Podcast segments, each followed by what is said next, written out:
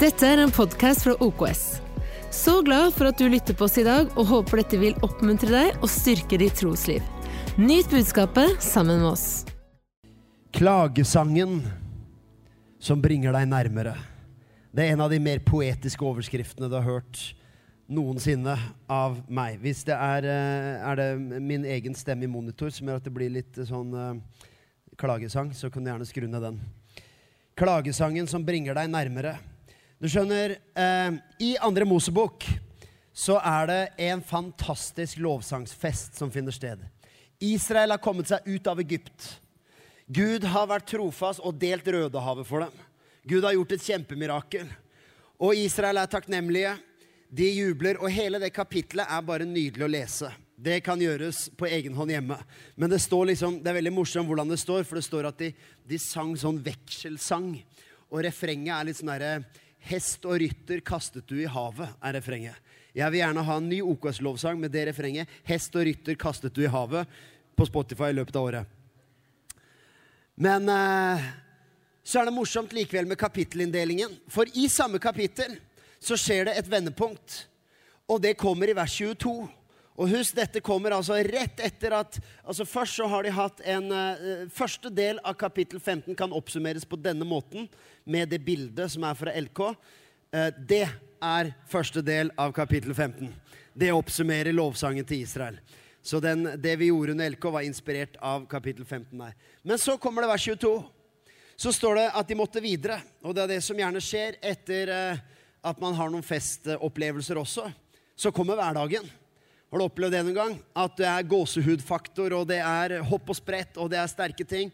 Og så kommer hverdagen bare brutalt.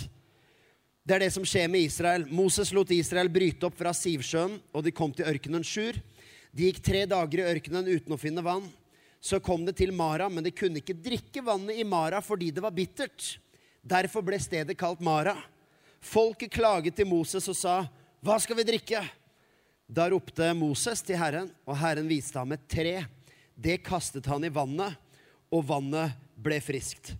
Det ene som er interessant her nå, nå utdyper ikke teksten sånn veldig Israels klage, men vi har sett Israel godt nok. Eh, vi kjenner historien i Det gamle testamentet til å vite at når de først klagde, så var det helhjerta. De var i hvert fall helhjerta i det. Så de klagde med hele seg til Moses. Men de gikk gjerne litt om hverandre, akkurat som her. Så det ene som man kan legge merke til, det er ikke det jeg skal snakke om, men bare en sånn liten observasjon, det er jo hvor raskt ens bekjennelse kan endre seg med omstendighetene. Fra at alt er bare helt fantastisk, og Gud er god, og Gud er trofast, og det er, det er ikke måte på hvor sterkt og hvor herlig det er, til plutselig Moses. Hvor i all verden skal vi finne vann? Vi tørster. Og det kan vi kjenne oss igjen i noen ganger. At du kan ha jeg kaller det posttraumatisk rødehavssyndrom hvor du har opplevd eh, sterke ting, og så kommer en kontrast etterpå. Nå tror jeg det er en egen andakt som eh, noen kan holde en annen dag. Men det er nydelig å holde oppe sin lære om Gud, for Gud har ikke forandra seg. Det er den samme Gud som leda dem gjennom Rødehavet, og som også er deres herre nå ved dette vannet.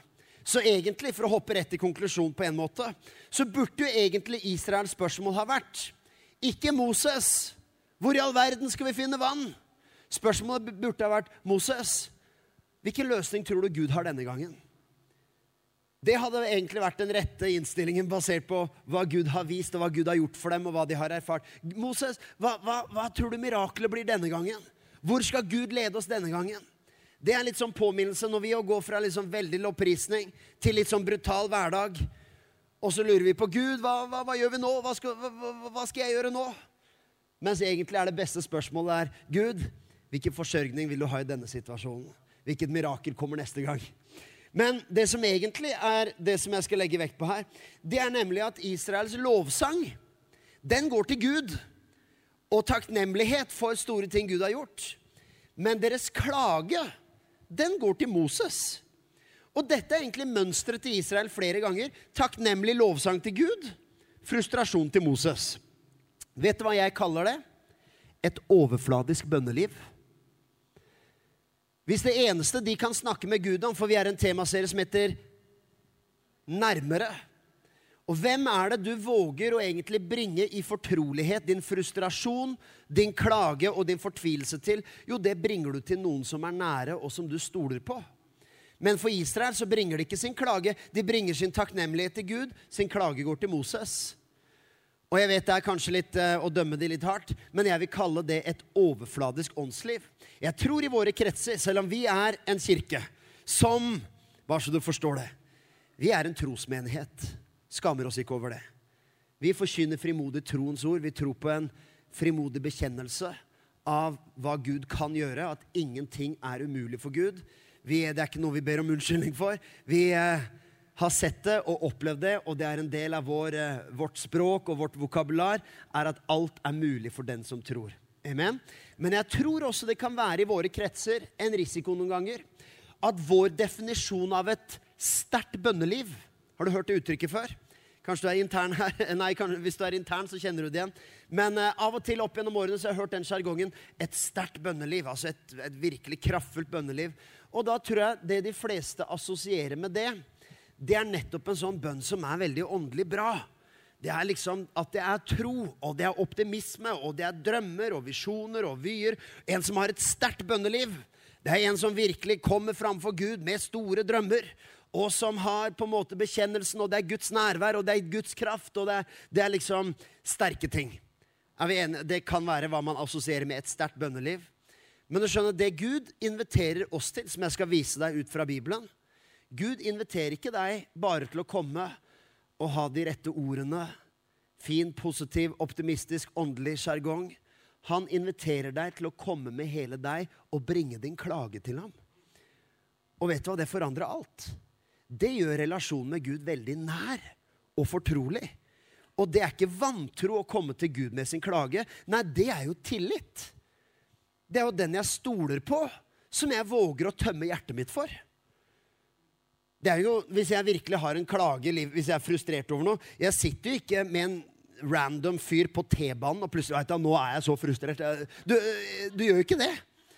Det er ikke noen jeg stoler på. Kan, jeg kan bli avvist, og de kan tenke at jeg er rar, og det er jeg antageligvis òg. Uh, uavhengig av om jeg gjør det på T-banen eller ikke. Men, men hvis jeg virkelig skal dele noe som er personlig, og noe som er litt mer enn kanskje bare en klage, men virkelig en, en, sorg eller en byrde eller en frykt eller bekymring, så gjør jeg det med noen som jeg virkelig stoler på, og som jeg håper ikke skal avvise meg. Vet du at Gud er det tryggeste stedet å komme uansett hva slags grums du bærer på. Det er det eneste stedet du kan si hva som helst og ikke bli avvist. Tvert imot, Gud far er takknemlig bare at du kommer. Det er ikke sånn ja, Gud er, kan høres litt sånn at ja, Gud er bare takknemlig du gjør noe, liksom. Det, mer kan ikke han kreve. Det er ikke det jeg sier. Men han ønsker at du skal komme nær. Han vil heller at du kommer nær med din klage enn å stå på avstand med din lovsang. Han ønsker at du skal komme med hele deg og komme nærmere. Og da tror jeg skal vi komme med hele oss, så er det med hele oss. Vet jeg, Egentlig har jeg et stort problem med det uttrykket 'banne i kjerka'. Har du hørt uttrykket før? Å banne i kjerka det er at du sier noe helt politisk ukorrekt på et sted det ikke passer seg. Det er at du roper 'Heia Sogndal' på Brann stadion. Det går ikke. Det er ikke greit. ikke sant? Se, han er provosert med en gang. Men det uttrykket det er som å banne i kjerka. Det er jo egentlig helt feil. For egentlig, nå sier jeg ikke at du skal komme til gudstjeneste med masse gloser inn døra, men hvis du først skal banne noe sted, så må du være på det stedet det er nåde. Det stedet det finnes gjenopprettelse og forsoning. Og, vi, og nå sier jeg heller ikke at ditt bønneliv, når du ber til Gud, at du skal komme framfor Han med masse gloser. liksom, kjære pip, nå er jeg så pip lei av alt det pip og pip. Det er ikke det jeg sier. Det er, jeg sier at eh, selvsagt fins det en dimensjon i vårt gudsliv av ærefrykt og tilbedelse og, og de tingene.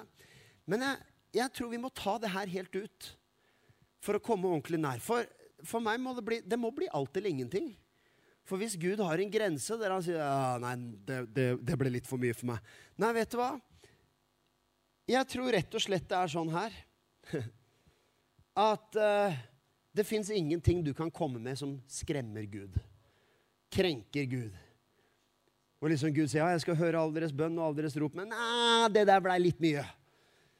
Nei, faktisk så tror jeg det at hvis du ser hva korset er, så er det mer sånn at der tok Jesus alt av hån, av spott, av eh, latter, av nedlatenhet, av banneord, av folkemasser, av forræderi, av avvisning. Han tok hele pakka. Og nå sier jeg ikke at du i ditt bønneliv skal liksom drive og, drive og eh, rette anklager mot Gud, sånn sett, men å bringe din klage til han. Om det så skulle komme med gloser. Jeg sier ikke at du skal begynne å banne i ditt bønneliv, men jeg sier det er jo det eneste stedet du egentlig kan gjøre det. Det er mye bedre enn å ha raseriutfall mot mennesker. Mye bedre enn å banne til medmennesker og ektefelle og familie. Da får dere komme fram for Gud og si, 'Gud, nå er det nok! Nå er jeg lei!' Og vet du hva, Gud? Han er bare glad at du er kommet nær. Og at du deler det med han. For det er der det hører hjemme. skjønner du. Det er det jeg skal vise deg. For du skjønner, det fins en klage som eh, forløser et potensial i livet med Gud, og som egentlig er en deilig dimensjon å komme inn i. Salme 55, 17 sier, 'Jeg vil rope til Gud, og Herren skal frelse meg.' Kveld og morgen og midt på dagen klager og sukker jeg. Det er ikke typisk OKS-verset, Kjartan. Vi har ikke lest den i noe kollektpreken. Har vi det? Men det fins egentlig et enormt håp her. Han skal høre mitt rop. Han skal fri meg fra strid og gi meg fred, selv om mange går mot meg. Her er egentlig hele prekenen oppsummert i en enkel setning. Gud vil snu din sørgesang til dans. Men for at Gud skal snu din sørgesang til dans, så må du jo bringe ham din sørgedans. Nei, sørgesang. Har du sett en sørgedans før? Det er sånn emo-kid-dans. lag, lag, en sånn sørgedans en gang. Det, det, vil jeg gjerne se. Neste festival. Flott. Da skal vi ha hest og rytter kastet du i havet, og så en sørgedans etterpå. Det blir tidenes gudstjeneste. Nei, for at Gud skal snu din smerte og snu din sorg til latter, så må du bringe ham det som han kan transformere. Ellers så holder du det for deg sjøl, eller så går det utover mennesket. For dette her er hva vi eh, dette, La oss lese ferdig verset først. Eh, kveld og morgen og midt på dagen klager og sukker jeg. Og han skal høre mitt rop. Han skal fri meg fra strid og gi meg fred, selv om mange går mot meg. Det er et nydelig håp og et nydelig løfte knytta til at du skal få fred når du bringer han din bekymring. Det er en nydelig transaksjon. Du gir han ditt sinne, han gir deg sin selvbeherskelse. Du gir han din frustrasjon, han gir deg sin fred. Du gir han din smerte eh, eller din irritasjon, og han gir deg sin overbæren, overbærenhet og nåde mot mennesker. Det er en nydelig transaksjon. Men midt på dagen og kveld og morgen, det er til og med en frekvens i dette her. Så det er ikke bare én desperat bønn en gang i livet når du er helt, helt på felgen. Jeg tenker og jeg skal vise deg det også, at dette er egentlig en sunn rytme i ditt bønneliv. At du egentlig daglig bringer din klage til han. Ja, hvordan skjer det? Jo, det skjer f.eks. ved sånn som Rod Plummer forklarte her når han uh, var under lederkonferansen. Og Han snakka om japansk kultur, men jeg hørte det og tenkte vet du hva, dette er vår alderskultur. For han sa at noe av det mest utfordrende i kulturen deres er fornærmelse. Mennesker blir fornærma. Altså krenkelse. Jeg tenkte velkommen til Europa. Uh, you have seen nothing yet. Um, og han, I menigheten så praktiserer de og oppmuntrer til og har en veldig uh, følger opp det som en, som en, tanke for hele menigheten og alle medlemmer. Det er at hver kveld så setter du av ett minutt og bringer til Gud din fornærmelse. Det som noen har såra deg litt med, det som var en liten avvisning. det som var, Bringer det til Gud, og så kan du legge deg og sove. Tenk å gjøre det hver dag. Tenk hvordan verden kunne ha sett ut hvis vi brakte vår sorg til Gud. Du skjønner, her er det som, Vi, har, vi har, vet jeg har snakket om dette tidligere, men realiteten er at vi vet at sinne kommer inn et sted og ut et annet sted. Og du trenger ikke føle noe fordømmelse over det her. Jeg er førstemann til å rekke opp hånda og si at ofte er det frustrasjonen kommer inn via én kanal, men det går utover noen helt andre. Hvis jeg har f.eks. ved anledning hatt en veldig krevende dag, kanskje fått sådd noen bekymringer og uro, og kanskje til og med frustrasjon og sinne. Hvem er det det går utover senere på kvelden? Og ikke vær redd, jeg blir ikke voldelig, eller noe sånt. Men hvem er det det går utover? Jo, det skjer jo f.eks. ved at jeg får kortere lunte og bli litt mutt hjemme senere. Så det går utover barna mine og ektefellen. Men det er jo ikke dems skyld. Det er noe som skjedde klokka ett på ettermiddagen, som satte seg i tankene mine og som sitter her resten av dagen. Så ofte kommer frustrasjon og også sinne kan komme inn et sted, men det kommer alltid ut et annet sted. Det er forbløffende ofte hvor, hvor mennesker tar ut ting som vi ikke forstår, og ting som frustrerer oss. Så er det, og Jeg prøver ikke å leke terapeut. Jeg bare sier ofte er det interessant spørsmål å spørre seg hvor kom smerten inn hen i livet ditt. Noen ganger er det ting som skjedde i går. Noen ganger er det ting som har bygd seg opp over et år. Noen ganger er det ting som har ligget der i 30 år. For vi vet mennesket er så komplekst, og vi har sett det igjen og igjen. Um, som sagt, Jeg er ingen terapeut, men vi har jobba nok med mennesker til å se at av og til er ting som kommer inn i barndom og ungdom, og som man aldri får satt ord på, verken framfor Gud eller mennesker, og som man enten bærer på, eller det bare liksom lekker litt her og der, det kan komme 30 år senere. Kommer det ut i form av sinne? Eller i form av eh, ødelagt identitet eller usikkerhet. Jeg prøver ikke å så mismot hos deg. Tvert imot så sier jeg det er på tide å bringe alt til Gud. Og vet du hva? Det er ydmykende å bringe alt til Gud. Det er ikke noe, jeg, jeg vet at I teorien så er alle kristne enige i det, og man kan si det av og til. ja, til Gud kan vi komme med alt. Men i praksis så erfarer jeg også med, i møte med mennesker at de bringer ikke Gud alt. For det er ydmykende å åpne seg opp, til og med for en du er fortrolig med. Jeg er, jeg, jeg er ikke redd å snakke hjemme med Katrine. Jeg, jeg er ikke redd for avvisning. Jeg er ikke redd for at hun skal sende meg på dør når jeg åpner opp om ting. Men jeg kan innrømme at man liker jo Ikke døm meg for det, men man liker jo liksom å være litt sterk òg. Ikke sant? Man vil jo gjerne være litt solid og ha litt fundament. og, og ja, Hvis du er litt shaky, så i hvert fall jeg står fast her, liksom. Og len deg til meg, jenta mi. Meg kan du stole på. Man ønsker jo å være liksom den sterke og, og den, den, trygge. Og plutselig sitte der og dele med henne død. Jeg har noen ting jeg syns er fryktelig vanskelig. Jeg sier ikke, Hun kommer ikke til å avvise meg. Hun blir jo bare takknemlig over en mann som snakker og åpner seg opp. Så det er fantastisk. Men for meg koster det litt. Faktisk vil jeg si det er litt ydmykende å åpne seg opp. Og med det utgangspunktet kan vi lese neste vers, som for meg i mange år var et vanskelig vers inntil jeg skjønte det her. Jakob 4. Så vær da lydige mot Gud. Stå djevelen imot, så skal han flykte fra dere. Hold dere nær til Gud, så skal han holde seg nær til dere. Husk, Gud er den samme i går, i dag, til evig tid. Så at vi holder oss nær til Gud, er bare at vi forflytter oss nærmere. Og dermed er vi nære. Men så står det 'vask hendene, dere syndere'. Rens hjertene, dere som har et delt sinn. Klag og sørg, bryt ut i gråt. ikke det herlige OKS-vers? Det, det, burde vi hatt på fasaden her, vet du, på sånn LED-skjerm. Klag og sørg, bryt ut i gråt, vend latteren til sørgesang. Velkommen til Romerikskirken. Søndager 12 og 18.30. Vend latteren til sørgesang og gleden til alvor. Ydmyk dere for Herren, så skal han opphøye dere. Kanskje du skjønner hvor jeg vil hen allerede.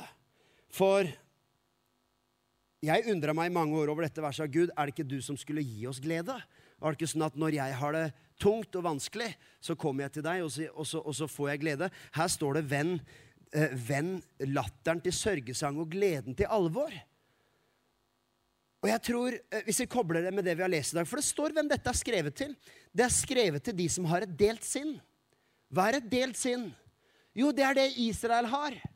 Gud, takk at du leder oss gjennom Rødehavet. Du er trofast, og du er seierherre, og du er allmektig. Moses, hvor i all verden skal vi få vann? Det er et delt sinn. Det er en som kan stå i kirken å ha åndelig sjargong og kristen sjargong, og, og, og, ingenting galt med det. Løfte hender, og, og, det ser bra ut. Men samtidig bære hjertet på fullt av bitterhet og anklage og irritasjon og frustrasjon over mennesker. Og, vi alle kan stå i, i, i, konflikt av og til. Men jeg snakker om, om, om, det som mennesker bærer på. Vet du hva det er? Det er ikke noe fordømmelse for deg. Jeg bare sier det er et delt sinn. Og det det står her, dette er jo egentlig så bra at jeg skal ta et bare bitte lite hopp. Ikke noe sånn voldsomt. bare sånn. Fordi det som står her, det er rett og slett en invitasjon fra Gud til å komme nær. Vend latteren til sorg. Går det an å Og jeg håper ikke du ser på det som en bortforklaring, for jeg tror det er dette han mener. Ydmyke dere for Herren. Hva betyr det? At jeg skal komme fram for han og skamme meg og nå ydmyker jeg meg, ligger i støvet? Nei, det er å komme og åpne deg opp. Kom nær og snakk, for det er ydmykende. Så det å ydmyke seg for Gud har ingenting med skam å gjøre. Det har å gjøre med å komme Man kan godt kalle det bekjennelse hvis man vil, men det blir ofte litt sånn teknisk. Jeg, jeg setter meg ikke ned med Katrine og sier jeg har en bekjenn, jeg, jeg, nå, skal vi, nå, skal vi, ha bekjennelsesstund. Men jeg sier kan vi ta en prat? Kan vi, kan vi snakke litt om noen ting? Du skjønner, Det å sette seg ned med Gud, ydmyke seg Si Gud, jeg må snakke med deg om noe. Noe jeg ikke forstår. Noe som jeg ikke får helt grep om. Noe som frustrerer meg. noe som uroer meg, noe jeg bærer på. Og Gud sier, 'Kom nær'. Det kan være ydmykende. Men når det står 'venn latteren til sorg', kan det være at det er nettopp de som har et delt sinn. Det vil si at det er en, en overfladisk latter. En latter som, som Israel Hva skal jeg si? Et bønneliv som er fullt av lovprisning, men et hjerte som er fullt av anklage og bitterhet og sjalusi og sammenligning og misunnelse. Og da sier Gud, 'Kom til meg. Sett latteren litt på pause. Kom med din sorg. Kom med din smerte. Kom med hele deg.' Og så står det at når du gjør det, så skal han opphøye dere. Det er litt av et løfte. Gud skal opphøye dere. Du kan se for deg Gud står og synger 'Jeg opphøyer deg'. Men det er et løfte. Når du bringer hele deg til han, så transformerer han noe. Men for at Gud skal snu din sorg til latter, så må du bringe han. Hele pakka. Sett ord på det. Og gjerne daglig. Jeg har bedt helt konkret i dag om at dette skal få praktiske konsekvenser for ditt personlige liv med Gud. Temaserien heter 'Nærmere'. Og jeg har et mål om at du ikke bare skal gå hjem og tenke ja, det var bra kveld, men at du skal gå hjem og endre noe i ditt språk. For jeg tror vi, Nå snakker jeg litt internt, men jeg tror denne forestillingen om et sterkt bønneliv for Det er en dimensjon, det òg, med tro og med vyer og forventninger. og Vi tror han kan gjøre langt utover det vi ber om eller forstår. Ingenting er umulig for Gud. Men det er nydelig at du kan ha ulike sjangere også i din samtale med Gud. Det er ikke ett spor. Du kan, du kan virkelig grave inn i de her trosbønnene, men du kan også bringe din klage og din sorg og din usikkerhet og sette ord på det. Og jeg har bedt konkret om at dette skal få en praktisk konsekvens i ditt bønneliv. At du skal rett og slett oppleve at du kommer nærmere. For det er ikke vantro å komme til Gud med de tingene. Det er tro. Det er jo tillit. Du stoler på Gud godt nok til at du tør å bringe fram alt. Det gjør du jo kun med en du har tillit til. Og hva er tillit? Jo, det er tro. En du stoler på.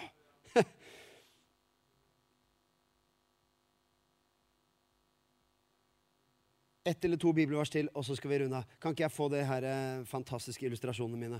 Du skjønner, Det står i Galaterbrevet 6,8. Et lite rart bibelvers til. Det står 'Den som sår i sitt eget kjøtt, høster fordervelse av kjøttet', men den som sår i ånden, høster evig liv av ånden'. Ok, det er mange kristne ord på en gang.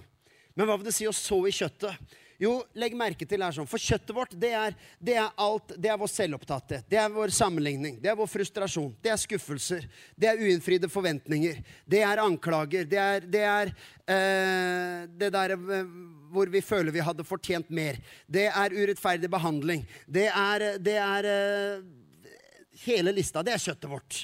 Det er den, den korte lunta når det har kommet smerte inn. Så hva er det å så i kjøttet? Jo, én måte å så i kjøttet Eller la meg begynne setningen på nytt. Hvis du ser det bibelverset, så står det egentlig ikke så mye om hva du sår, men det står noe om hvor du sår. Det står ikke at hvis du sår gode, positive, fine tanker, gjerne med litt Disney-musikk i bakgrunnen Céline Dion And you wish upon a star, da skal du høste i ånden. Men hvis du har negative ting og pessimisme og uro, da skal du høste kjøttet. Nei, det står det ikke. Det står ikke noe om hva du står, det står om hvor du sår. Og det å så i kjøttet, det vil si at jeg tar alt, all smerten som har kommet inn. Her har vi den. Det er, dette her er sinnet mitt. Alt som har kommet inn av skuffelser. Det kan være ting fra i går, det kan være ting som er der over 30 år. Men alt som har kommet inn, f.eks. et raseriutbrudd. Heldigvis, det tilhører sjeldenhetene. Men hva er å så i kjøttet? Jo, det er jo at jeg lar mitt raseriutbrudd gå utover enten meg sjøl eller mennesker. Og vet du hva du høster da? Jeg kan love deg mer kjøtt tilbake! Fortsatt har jeg til gode å oppleve et emosjonelt raseriutbrudd som ender med at motparten sier 'Ja, det var fint. Den trengte jeg'. Ja, takk. Var, du får sagt det, du. jeg føler meg så sett og hørt. Nei, som regel, hvis du sår kjøtt, så høster du kjøtt. Og sånn eskalerer samtalen. Ja, 'Hvorfor behandla du meg sånn?' 'Ja, jeg, Hva med deg? Hvis jeg er det, hva er du da?' Og sånn går nå dagene. Og så eskalerer det, og det er sånn ofte offentlig retorikk også foregår. Det er kjøtt som høster kjøtt som høster kjøtt. Men og så i ånden Vet du hva det er? Jo, det står ikke at det nødvendigvis bare er gode tanker, men det er at du sår i Gud. Og sår i, din, i ditt fellesskap og i din fortrolighet og i ditt vennskap med Gud. Og vet du hva det står da? Galap, for hvis du sår i ånden, så står det at du høster evig liv av ånden. Og i kapittelet foran så står det hva Når du sår, så får du frukt. Og i kapittelet foran står det hva åndens frukt er. Dette er hva du får når du sår i ånden. Kjærlighet, glede, fred, overbærenhet, vennlighet, godhet, trofasthet, ydmykhet og selvbeherskelse. Det står ikke at alle problemer er løst, men det står at når du kommer til Gud med ditt grums, når du i stedet for For det vi gjerne gjør, er jo at vi heller lar kjøttet gå og liksom gnage litt på det, og gjerne forsterke det litt. Og, og så argumenterer vi litt for oss sjøl, og så går vi ganske lenge. Og så, og så etter hvert så begynner vi å rettferdiggjøre dette grumset. Men du skjønner, det det står her, er at den som sår i ånden, den som går til Gud, den som bringer sin klage til Han, den som tar og vender latteren til sorg og går til Gud, så er det som et filter. Der all møkka går gjennom fellesskapet og relasjonen med Gud og så sitter igjen en del greier her. Det som kommer ut her sånn, Det er ikke sånn at alle problemer er løst. Men nå har du kjærlighet, glede, fred, overbærenhet, og det bitre vannet har blitt drikkbart. Og det er det som skjer med Israel. For Israel klager til Moses. Gud viser Moses et tre. For Moses han er ikke redd for å klage til Gud. Han gjør det flere ganger. han. Gud, en gang sier han, 'Gud, hva skal jeg gjøre med dette folket?' 'Snart steiner de meg.' Amen. Det er bønnen. Det er ikke veldig sånn trosbønn. Det er ikke, noe, det er ikke noen sang vi hadde skrevet lovsanger om. Eller det er ikke noen tekst vi hadde skrevet lovsanger om. Herre, snart steiner de oss. Ganger tre refreng. Men det er bønnen Moses ber. Men Gud avviser ikke. Gud blir ikke sjokkert. Åh, 'Våger du snakke til meg sånn?' Nei, det går heller gjennom et filter der Gud viser Moses et tre. Og det treet skal kastes i vannet. Og når det treet treffer det bitre, sure, forurensede vannet, så blir det forurensede vannet rent. Og det er det samme som skjer med dine og mine tanker. Vi, for Gud viser også oss, når vi klager til ham, så viser også han oss et tre. Nemlig korsets tre. Der Jesus blir en forbannelse for oss. For det er ikke tilfell, helt tilfeldig at han døde på et tre, på et kors. Jeg har hørt noen sagt hadde han dødd i dag, hadde det vært i en elektrisk stol. Men Bibelen gjør et poeng ut av at treet er en forbannelse. Galaterne 3,13 sier 'forbannet er hver den som henger på et tre'. Og Jesus blir under forbannelse for at vi skulle komme under velsignelse.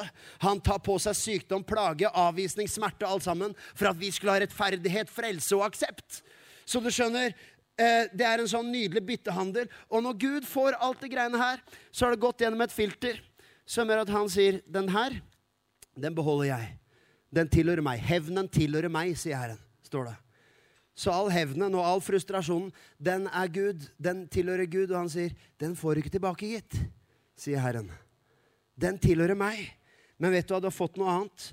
Er alle problemer løst? Nei, men dette er ganske nyttige ingredienser å ha med seg videre. Også inn i vanskelige ting.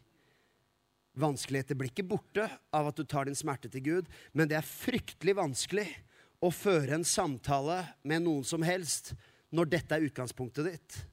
Men hvis du gir dette her til Gud, og så sitter du igjen med dette, så tenker jeg verden kan bli et nytt sted. Plutselig er det fred på jord. Ikke fordi vi alle er perfekte, men fordi vi gjør det Bibelen oppfordrer oss til, å komme til Han med alt sammen. Vet du hvor god Gud er?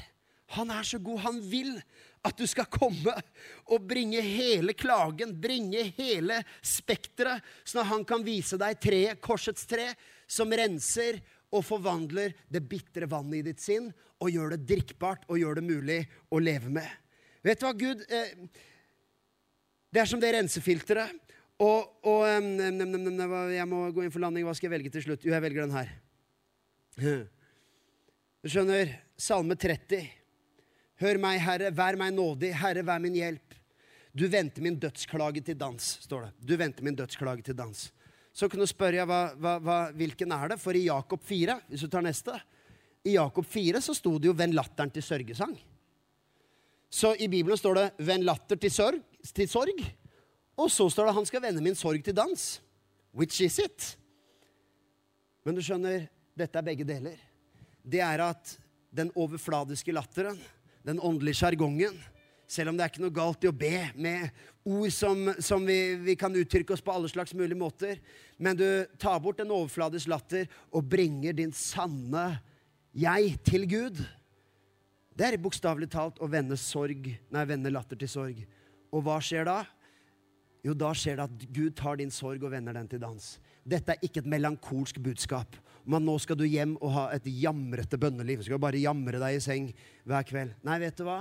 Dette er et vanvittig løfte. Dette gir jo håp. Til uansett hva du bærer på, så er det et håp.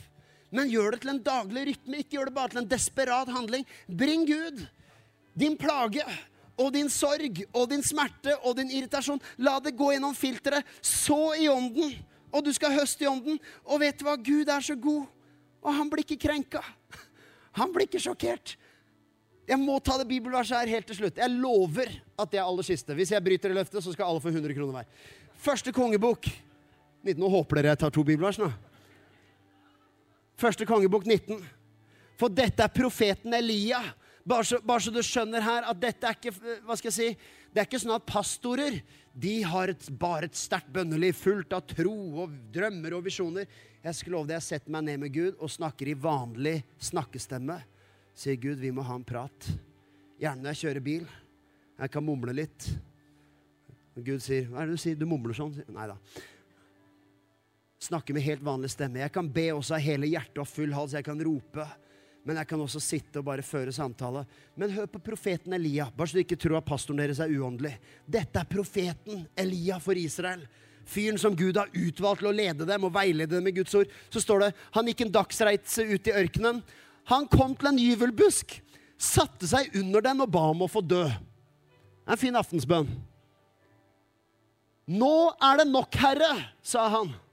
Ta mitt liv, for jeg er ikke bedre enn fedrene mine. Så la han seg ned og sovnet under gyvelbusken. For en aftensbønn! Nå er det nok, Herre. Dette er profeten Elia, og han ber en bønn nå er det nok, Herre. Kan du tenke deg en profet eller en pastor som ber sånne bønner? Gud, nå har jeg fått nok! Nå orker jeg snart ikke mer, sier Herren. Var ikke det en sånn profeti engang? Nå er det nok, Herre!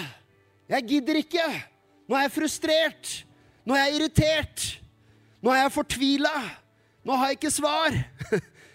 Nå lurer jeg på om du kan bare ta livet av både meg og helst først de folka der. Kan du ah, Jeg gidder ikke. Jeg legger meg. Vet du hvordan Gud svarer en sånn bønn? Det her er bare, Husk, dette er Det gamle testamentet. Før Jesus Kristus. Og alle, løfter, alle Guds løfter er oppfylt i Jesus. Vet du hvordan Gud svarer den bønnen til Elia? Gud sier, 'Hvordan våger du å tale slik til en allmektig Herre?' Vend tilbake når det er Det er sånn vi svarer ungene våre. Hvis Theodor eller Sofie kommer til meg og er sånn surmulende og kommer, så sier jeg du, hva er gærent med humøret ditt, da? Kom, gå på rommet og ro deg ned litt. Kan du komme tilbake når det er deg sjøl igjen? Sånn kan vi si. Men vet du hvordan Gud svarer? I det samme rørte en engel ved ham og sa, 'Stå opp og spis.' Og da han så seg han fikk han øye på en brødleiv bakt på glødende steiner og en krukke med vann ved hodet sitt. Han spiste og drakk og la seg igjen. Er ikke Gud god? Bønnen hans er, 'Herre, nå er det nok! Jeg vil dø! Jeg er ikke bedre enn fedrene mine.' Og Gud sier, greit. Englebesøk, mat, drikke, forsørgning. Gud er bare glad at Elia kom til han. Du skjønner, Gud ønsker fellesskap. Han ønsker at du skal komme nærmere. Om så hele din bønn er 'Nå er det nok, Herre', Jesu navn, amen. Jeg, jeg, jeg, tenkte jeg skulle prøve etter en preken her å be sånn aftensbønn med ungene mine. Jeg skulle be kveldsbønn. 'Nå er det nok, Herre', i Jesu navn, amen. Sov godt.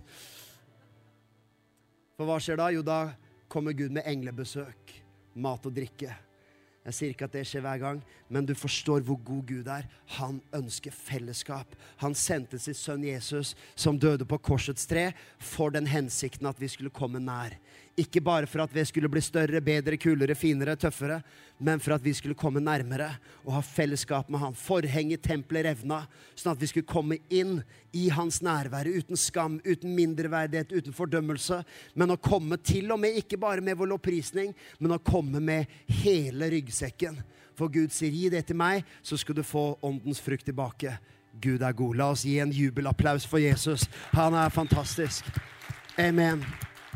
Takk for at du tok deg tid til å lytte på en av våre podcaster fra OKS. Vår visjon er å bringe Jesus til mennesker i vår verden, og mennesker i vår verden til Jesus. Følg oss ellers på vår YouTube-kanal og sosiale medier. Du er velkommen til å besøke en av våre kirker. For mer informasjon, sjekk ut oks.no.